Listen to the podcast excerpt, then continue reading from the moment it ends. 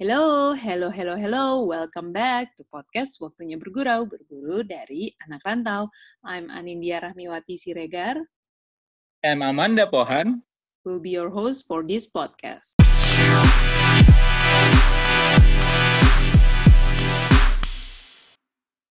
Welcome back episode baru, cerita baru dari podcast Waktunya Bergurau ya, Da? Betul banget. Senang banget kita berdua, Amanda Pohan, Anindya Siregar, kembali nih menemui teman bergurau di episode terbaru di season 3 podcast Waktunya Bergurau ya, ya. Nggak terasa, Ya. udah banyak banget pasti cerita yang sudah kita berikan nih ke teman Ya. bergurau. Salah satunya adalah mungkin episode ini nih yang sangat menarik sih, Nat.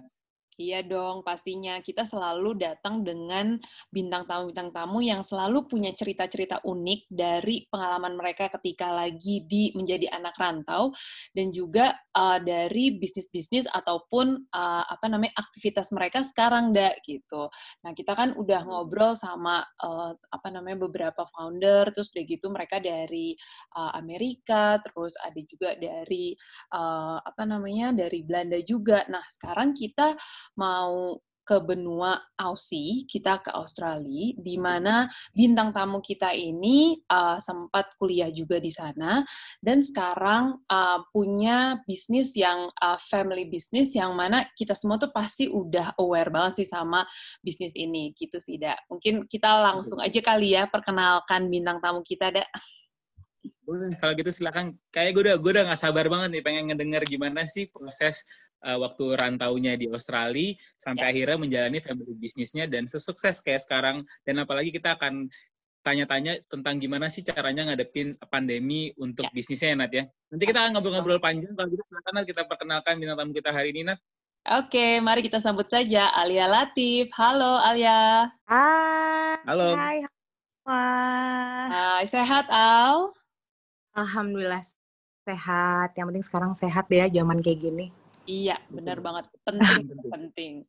Oke, teman bergerak Alia ini adalah uh, co-owner dari dari Akasia Catering, baik itu restoran ataupun Akasia Catering yang udah terkenal banget tuh kalau misalnya teman bergurau Aduh, di undangan ya. Amin. Nah, kita kita pasti pengen banget ke mana-mana kali ya. Ada restorannya, ada pokoknya masih banyak pasti line bisnisnya dari Akasia yang nanti mungkin kita bisa kulik dan kita bisa tanya-tanya sama Alia ya. Oke, kalau gitu teman bergurau, langsung saja kita mulai. Ini dia podcast Waktunya Bergurau, berguru dari anak rantau.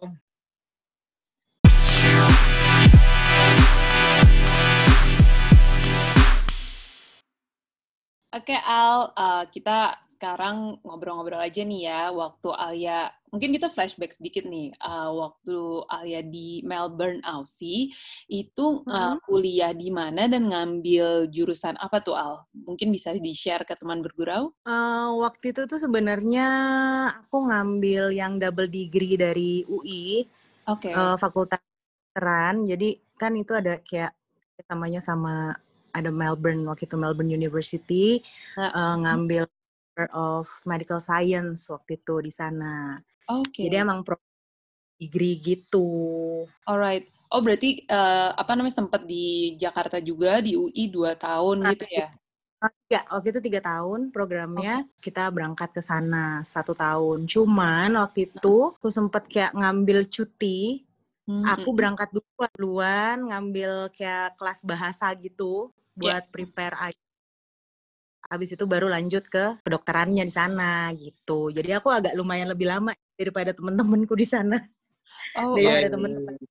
Ya di sana gitu aku agak lumayan lebih lama. Oke oke oke. Berarti Mm-mm. uh, apa namanya itu itu karena emang programnya tuh hanya ada pilihan Melbourne, Aussie aja atau sebenarnya ada negara lain, Al? Enggak, pada saat itu eh, kedokteran cuma di Melbourne aja. Oh oke oke oke Ada pilihan oke. gitu. Wow Oke. Wow menarik banget ya. Dan gue juga baru tahu nih bahwa Alia ini adalah tadinya ambil kedokteran ya. Ada basic Iya. basic kedokteran gitu ya. Untuk background background education-nya gitu ya. Yang mungkin selama ini mungkin orang tahunya karena berhubungan sama F&B bisnis gitu ya. Nggak ada Heeh. hubungannya nih sama kedokteran. Tapi ternyata Alia ini punya cerita background kedokterannya gitu ya. Ya, walaupun nggak selesai sih. Aku nggak selesai, aku tinggalin gitu. Udah Heeh. udah tahun, udah tujuh tahun, terus kayak Heeh. ada satu lain hal, ah udah deh, ngambil Oh, sekolah gitu. masak aja. Oh, tapi di Aussie ngambil sekolah masaknya? Oh, karena ayahku kan udah lumayan tua ya. Uh-uh. Terus Iya. waktu kondisinya tuh nggak terlalu sehat. Oh, oke. Eh, jadi tadinya mau balik ke Melbourne, cuman kok kayaknya kalau mau balik ke Jakarta agak repot ya. Kayak Uh-uh. 6 jam lah.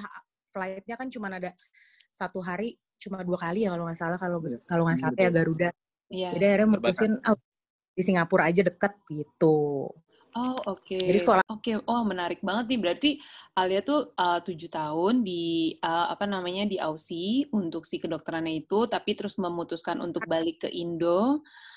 Terus habis itu um, mungkin ada selangnya dulu ya sedikit uh, sampai akhirnya ngambil apa sekolah masak di uh, Singapura gitu ya. Singapura. ya, benar. Jadi rantaunya dua kali. Keren Iya, banget. benar. Oke, oke.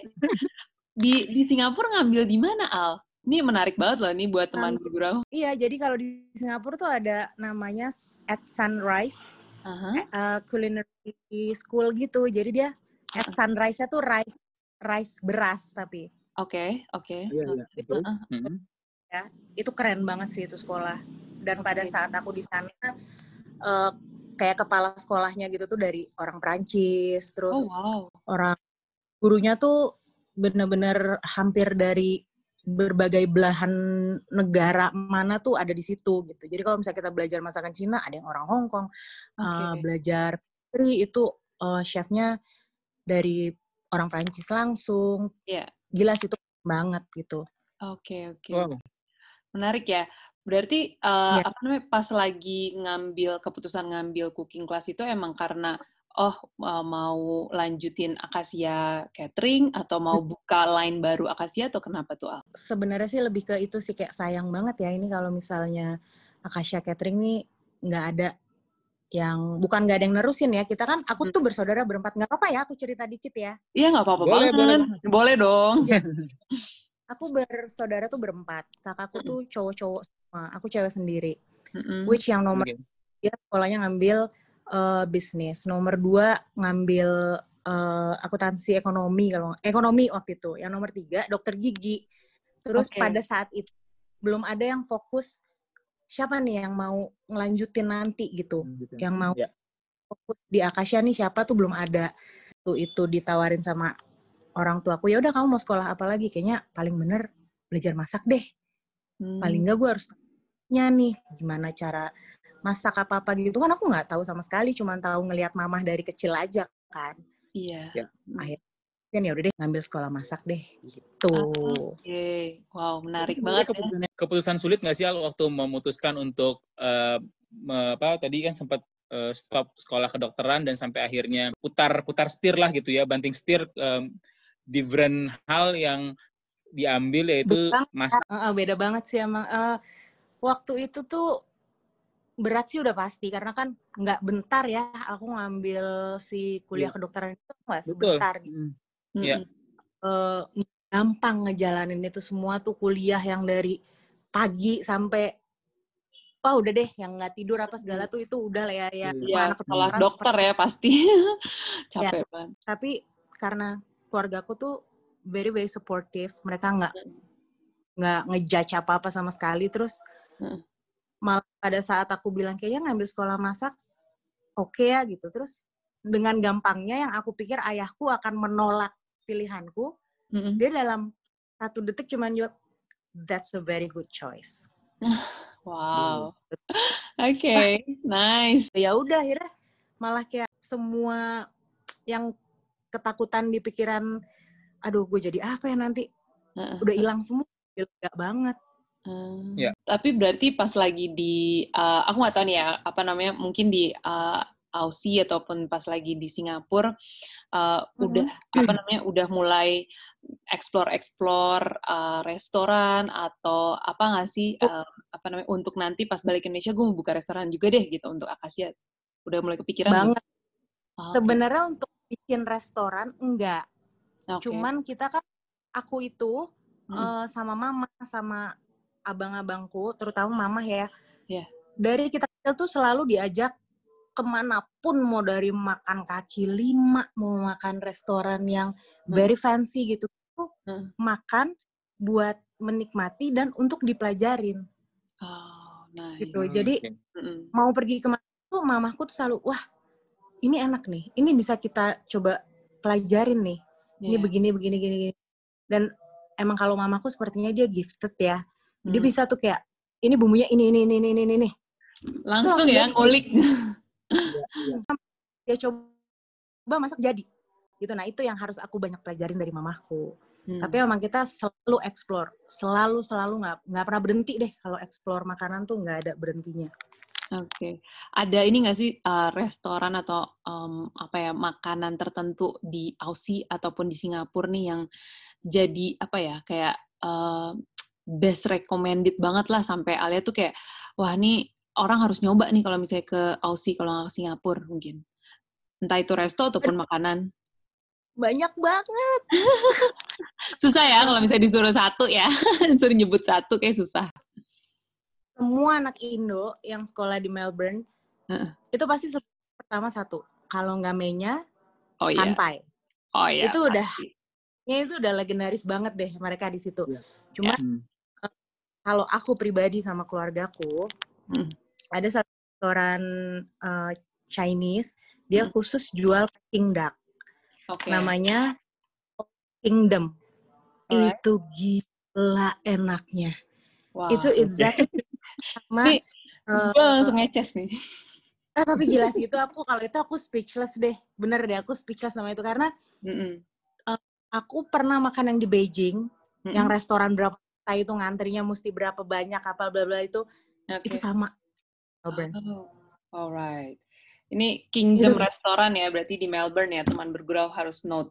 Dan kalau sudah dinilai dan sudah direview sama keluarganya Alia, kayaknya approve itu enak banget sih. Iya kayak aku ulang tahun gitu kalau mamaku ke sana, ajak teman-teman ke sana semua kayak emang kita suka banget. Suka Oke. banget yang lucunya itu restoran pertama kali kita ke sana, kan Mm-mm. nelfon mesti research dulu kan. Iya. Dia bilang berapa orang gitu. Eh, kita ber kalau nggak salah aku waktu itu berenam gitu. Mm-mm. Oh oke. Eh, mau pesen berapa bebek? Terus kita kan kayak, hah berenam ya satu lah ya cukup gitu kan. Iya. kan misalkan ekor ekor kayak kita makan satu ekor cukup oh no no no no. Iya. if person you have to order three. It's not enough. Hah? Tiga? Gila. Mana abis Eh, oke. Nanti lihat nanti deh. Dan ternyata tiga abis Ya Wow. ampun. bayang nggak? Tiga ekor ya. abis gila banget tuh restoran sih. Gila sih itu sampai sekarang. Aku rasa kangen banget kalau ke sana.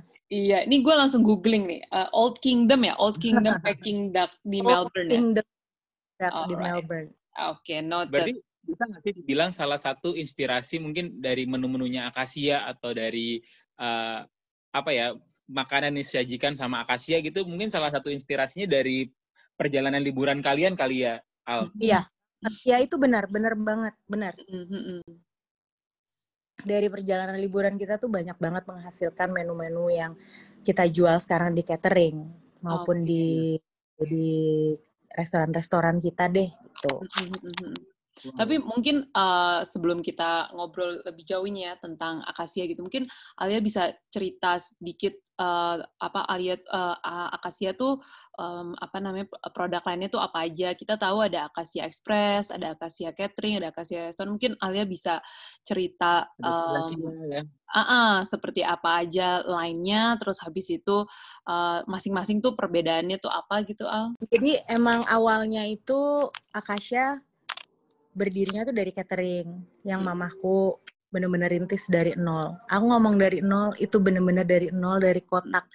Eh, kalau kita tuh sekarang nyebutnya kotak tupperware yang Aha. buat kita tapak take out take out di restoran itu loh. Iya, iya, iya, iya, iya. Oke, oke, iya, iya, tahu, tahu, tahu. Ah, ah, ah. itu tuh dari dari itu terus ke rantang zaman dulu yang bulat tahu nggak Iya, tahu banget. Yang bersusun, yang bersusun gitu. ya?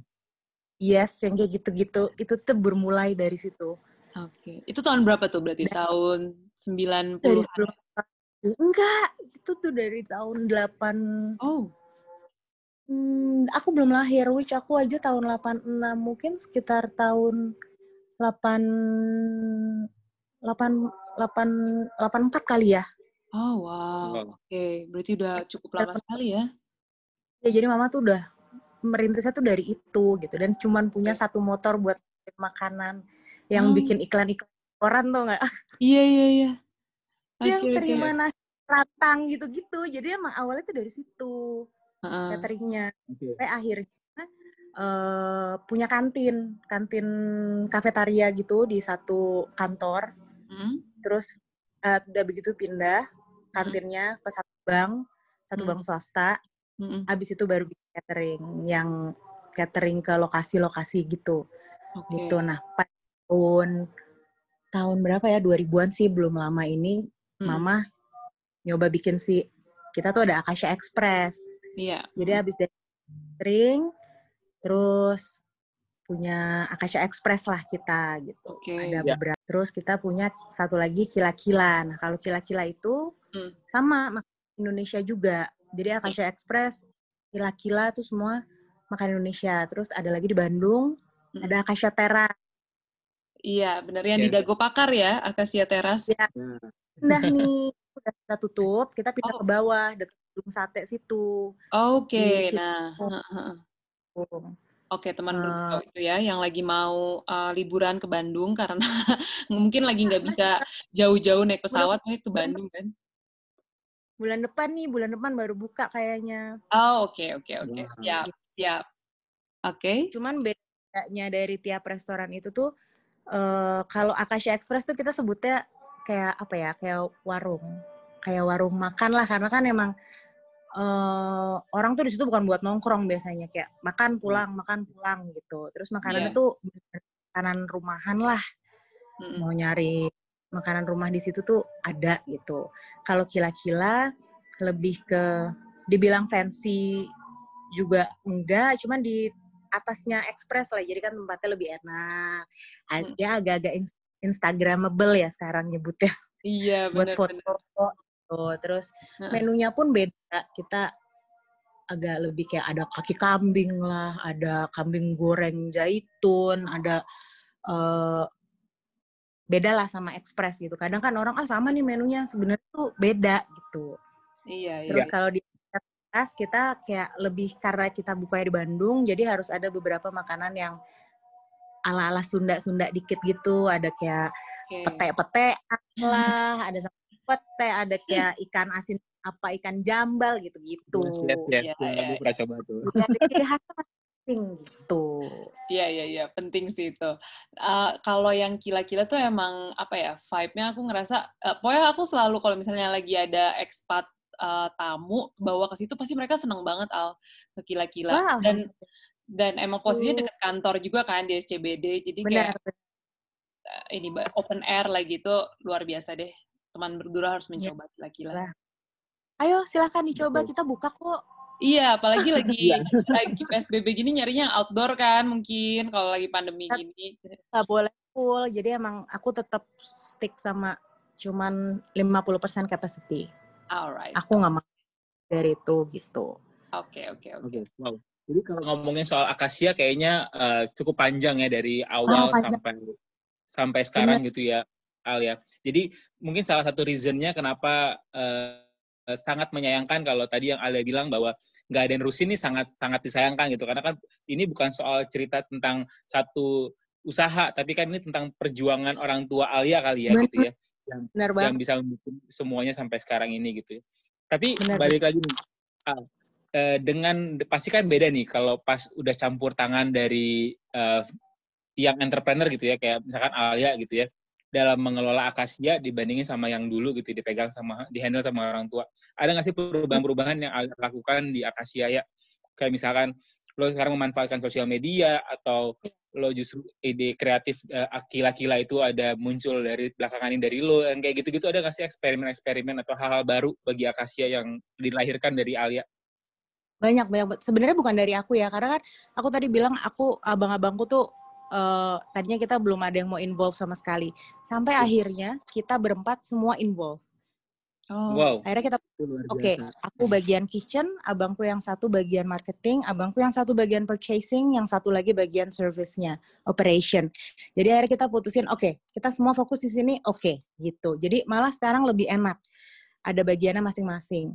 Pada Oke. pada saat dulu mama sendiri, anak-anak nih masih sekolah, masih kuliah, dia tuh jalanin ini sendiri, nggak punya partner, nggak ada yang namanya manajer, nggak ada yang namanya head of marketing apa dia itu nggak tahu kayak gitu-gituan. Jadi semua uh, basisnya tuh cuman apa ya kayak industri uh, kecil rumahan aja gitu. Di pikiran mama tuh cuman itu aja gitu. Ya. Sampai Hmm. secara nggak sadar kok uh, mama butuh beli truk nih buat ini buat ngantar makanan.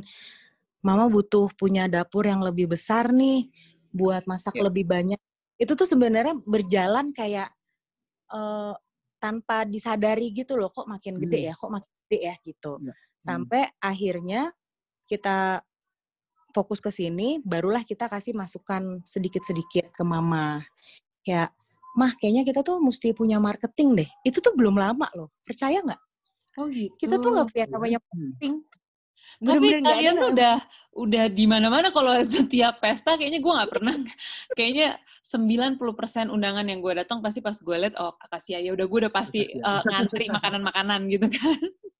Dan gue pasti acara kantor aja acara kantor tuh gue Iya, selalu selalu ini gitu.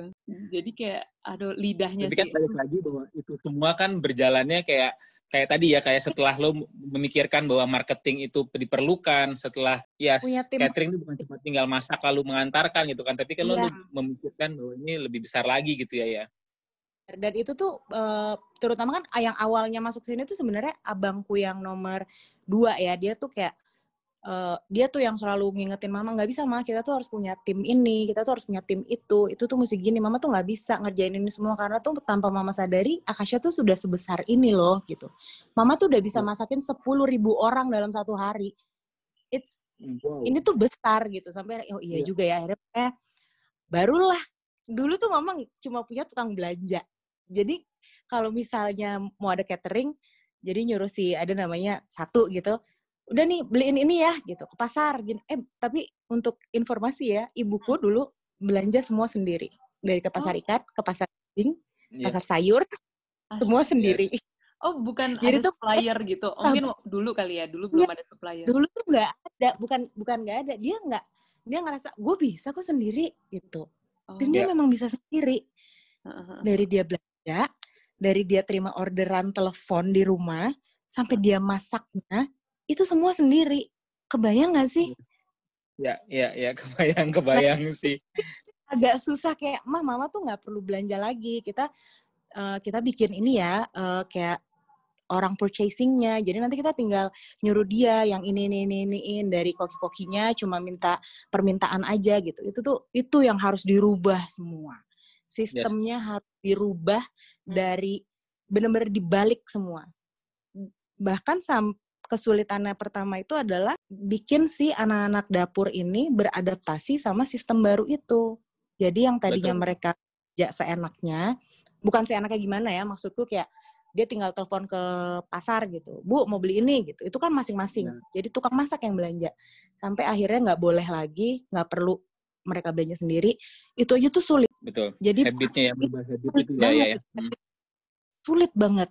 Mm-mm. Tapi akhirnya ya pelan-pelan bisa. Jadi sekarang semua udah computerized kan kita Oke. dari eh, jadi semua udah online lah dari kayak kita taking order sampai makanan keluar tuh semua tuh udah tersistem di komputer gitu. Jadi Wow. bisa ke trace semua gitu. Itu tuh yang sulit sih. Itu sulit banget Iya, ke- Karena ya, dari untuk mengubah budaya yang tadinya lama pasti kan orang-orang orang-orang yang ada di Akasia mungkin orang-orang yang bawaan dulu juga masih banyak banget kali ya ya alhamdulillah loh sampai sekarang tuh Nah, kita iya. yang kerja di kita tuh ada yang udah 25 tahun. Oh wow. Iya. Itu tuh bener-bener sampai sekarang yang ngurusin aku dari kecil tuh masih ngurusin aku tuh masih mereka koki. Heeh. Tapi karena Iya, ibu orang tua aku sibuk, abang-abangku cowok semua, aku nggak punya temen di rumah. Jadi Heeh. di saat mereka udah selesai kerja, mereka nemenin aku main si koki-koki itu. Itu sampai Oh. sekarang masih. Oke. Itu dari Wow. aku hebat kan? Hebat Jadi banget. mama Itu makanya yang mengubah susah. mengubah cara mengubah sistem lama itu kan perlu waktu dan susah ya maksudnya nggak nggak segampang nggak segampang bikin sistemnya gitu kan tapi justru orang-orang yang menjalaninya ini yang perlu adaptasinya lama gitu. Iya benar-benar banget. Susah. Ya, tapi satu gue mau nanya dong soal ini nih. Mungkin mungkin ini berkembang dari tadi obrolan kita kali ya. Mungkin eh, Hmm. nggak ada di pertanyaan sebelumnya gitu ya. Apa ini tuh? kan tentang family company ya ya ya, family Iya. company gitu ya. Jalaninnya gimana sih ya? Maksud gue dengan dengan dengan sesama saudara gitu ya dalam menjalani satu usaha bersama gitu ya. Kan beda nih. Pasti beda treatmentnya kalau kita partneran sama teman kita sama kakak kita sendiri gitu. Iya. Ada kesulitan, Mhm. ada yang ada apa sih serunya seperti apa sih ya atau atau kayak kayak udah family jadi gue ya santai-santai aja gitu atau mungkin kalian men men-treatnya seperti apa sih kakak beradik ini dalam mengelola akasia ini ya? Sebenarnya seru sih, karena kan seru eh, susah-susah gampang juga karena kita kan udah di bidangnya masing-masing nih. Maksudnya kita udah gue dapur, gue ini, gue Hmm. ini, gue ini, udah masing-masing. Cuman kayak eh, kita semua bebas berpendapat gitu dan kita harus kasih masukan satu sama lain. Jadi Hmm. kayak misalnya, oh kok udah lama ya udah tiga bulan ya kita nggak punya menu baru. Itu tuh kita bisa rundingan, duduk sama-sama. Eh dong, Mil kamu bikin. Aku dipanggilnya Mila ya kalau di rumah. Dong, Oh, Mil kamu oke. bikin menu mama. Oh, oke. Terus kalau nggak nanti, oke bang kalau gitu tolong dong bang, eh, ini dong tolong dipromosiin dong ada menu baru ini ini, ini gitu. Cuman eh, perdebatan sih pasti ada ya. Kayak misalnya, menurut gue ini makanan enak banget, tapi Hmm. menurut yang satu ini nggak enak gitu. Atau yang satu lagi ah ini cukup gitu. Nah itu itu aja tuh kadang suka eh, Beda benar beda iya beda gitu. gitu ya. Cepat gitu. Cuman kita nggak mau terlalu dibikin jadi kayak big problem gitu sih. Kita selalu cari jalan tengah. Tapi karena kita memang saudara tuh deket banget, Mm-mm. jadi nggak serumit itu sih ngejalaninnya tuh kayak enak aja gitu. Karena udah tahu bagiannya masing-masing kali ya. Mm-mm. Jadi nggak serumit itu gitu kayak enak aja gitu jalaninnya tuh enak aja. Kalau aku butuh pendapat abangku, aku tanya. Abangku mau nanya sama aku, kita diskusi aja. Pokoknya semua tuh harus diskusi. kantor gitu kali ya, ada di eh, HQ-nya Akasia, Iya. di mana semuanya harus ngumpul untuk bahas, oke, to-do list-nya ada lah masing-masing gitu kali ya, Al. Iya benar, benar banget. Oke, oke, oke, oke. Oke, luar biasa nih. Kita ngobrol-ngobrol tentang Akasia emang banyak banget yang bisa diceritakan dan ternyata di balik itu semua Alia itu sempat sekolah dokter sampai akhirnya memutuskan untuk sekolah masak juga di Singapura. Bahkan jadi anak rantau dua kali ya, Al. Dua kali gila. Iya, iya, iya. Tapi kalau buat Akasia sendiri nih, um, uh, rencana terbesarnya apa nih next-nya? Kan kemarin uh, udah buka, uh, akan buka di Bandung, um, yang Akasia Hmm. Teras, dan juga sebelumnya kan di Kila-Kila gitu kan. Uh, Iya. Apa yang menjadi rencana terbesar di mungkin setahun atau dua tahun ke depan? Apalagi mungkin dengan kondisi pandemi gini ya. Em, kalau misalnya kondisi pandemi gini sih kita cita-cita sih boleh ya tinggi. Iya. Cuman ngelihat situasi pandemi kayak gini, Ya. Cuman pengen bikin stabil dulu deh gitu. Pengen Iya. pengen semua tuh beres lagi. Cuman alhamdulillah nih kita hari Sabtu ini akan buka Acacia Express yang baru di Bintaro Oh, wow. sama Dia dekat rumah. kita Oh, gitu, Oh ya, gitu. di ini loh di Gimana? dua coffee tahu? Dua coffee tahu dong pasti. Eh, tahu tahu tahu. Ya Ah. itu oh, di atasnya yang di rooftop. Wow, dekat. Yes. Oke. Tuh, Langsung. dak, cus. terus yang satu lagi nanti hari Senin kita buka di Tendean. Jadi di sebelahnya eh, eh, gedung Trans TV itu Heeh. ada namanya gedung. Bang. Nah, Iya. kita buka di situ. Oh, Jadi wow. alhamdulillah nih itu pandemi gini kita masih dikasih kesempatan ya dapat rezeki dari Allah deh gitu ya. Iya. mm, Bisa buka baru nih dua. Cuman kalau ngomong rencana ke depan mm, eh, sebenarnya tuh kita mamahku, aku dan abang-abangku pingin banget punya gedung pertemuan sendiri. Wow. Gitu tuh Wow. Nice. ya itu tuh cita-cita kita banget gitu kayak Heeh, heeh. gila banget ya punya gedung pertemuan sendiri dan bukannya kita mau kayak eh semua harus pakai Acacia gitu malah tuh kayak mamaku tuh punya cita-cita yang kita tuh ajak beberapa vendor di sana beberapa catering di sana emang semua orang Indonesia mau pakai Acacia kan belum tentu lidahnya semua cocok sama Acacia kita Hmm. rangkul lah semua sama-sama gitu jadi Iya. pinginnya tuh kayak gitu itu satu sama kepengen banget eh, buka Acacia Express ada 23 cabang Wow. Kenapa Oke. spesifik 23? Penasaran gue langsung. Dua tiga sih sebenarnya karena itu angka lahir mamahku ya dan dia suka oh. banget angka dua tiga terus kayak tadinya okay. mamah cuma aku tuh pengen deh punya Akasha Express 10 jangan mah kita bikin dua tiga mantap oke okay, bisnis itu amin udah udah mencapai berapa ya Mm-mm. sekarang kalau Express berarti sama yang besok tuh ada di Kemang satu itu yang pertama buka mm. terus di Ahmad Dahlan satu di South Quarter Building satu uh, Bintaro satu sama di tendian satu. Alhamdulillah udah lima. Wow, oke. Okay. Semakin semakin cepat dan semakin gampang tercapai targetnya ya ya. Iya. Amin amin. Amin amin. Semoga semuanya okay. lancar ya. Ngomongin soal pandemi, ngomongin yeah. soal pandemi, kayaknya kita kan juga uh, melihat bahwa bisnis F&B ini apalagi restoran gitu ya ya mengalami efek yang sangat besar lah di uh, pandemi kayak sekarang ini gitu ya ya. Iya. Ngelihat teman-teman kita yang lain gitu ya ya yang punya bisnis F&B juga yang yang mungkin harus sampai tutup restorannya atau mungkin ya banyak permasalahan yang terjadi akibat pandemi ini gitu ya. Dari yeah. seorang Alia mungkin ada nggak sih ya yang mau disampaikan atau yang mau di-share ke teman-teman kita nih ya yang terkena pandemi uh, tentang bisnisnya di F&B gitu ya, spesifik di F&B. Dari seorang hmm. Alia ada nggak sih yang ingin disampaikan ya ke teman-temannya? Apa ya? Uh, kita sih sejujurnya juga kita ngerasain imbasnya banget ya Akasha Catering yeah. maupun Akasha Catering kila-kila juga kena banget yeah. Iya. uh, ya Express juga lumayan cuman sekarang Akasha Express udah lumayan lah udah mulai hmm. uh, lumayan lagi gitu cuman hmm. apa ya kalau dari aku sih uh, tipsnya apa ya bingung juga karena tetap semangat tuh, aja kali ya mencari inovasi. Harus banget tuh, makanya inovasi. Kayak catering sekarang nggak banyak yang bisa uh, bikin acara. Jadi inovasinya apa? Lo harus bikin pinter-pinteran deh, kreatif bikin hampers. Isinya apa? Yang mau nasi bungkus kek, ya. uh, mau, mau makanan apa gitu ya. Harus banyak inovasi sih memang. Hmm. Terus harus yang kita pikirin sekarang sih dari Akasha itu sebenarnya cuma satu.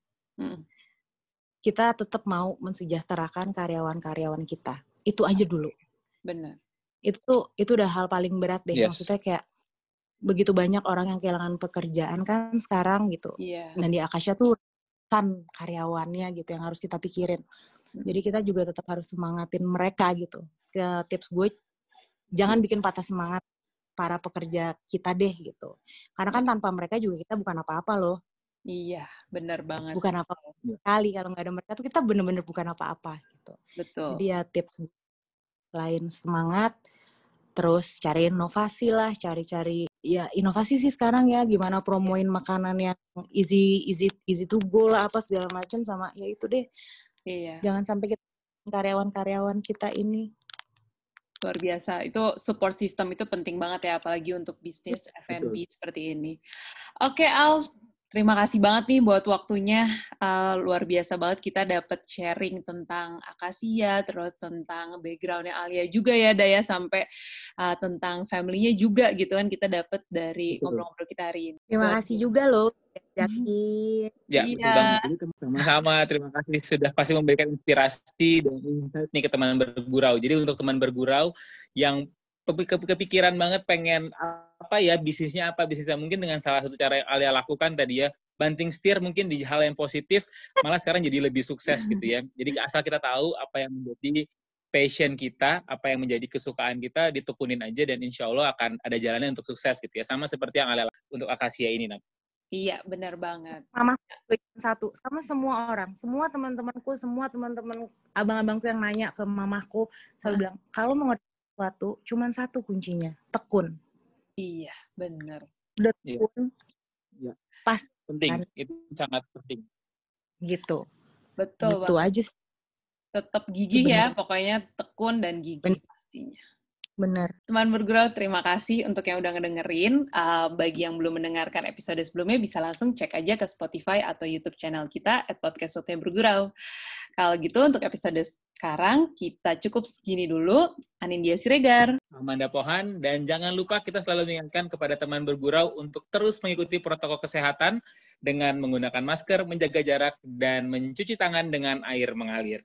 Dan jangan lupa harus tanggung jawab sama diri kita sendiri untuk memutus tali rantai penyebaran COVID-19 di sekitar kita.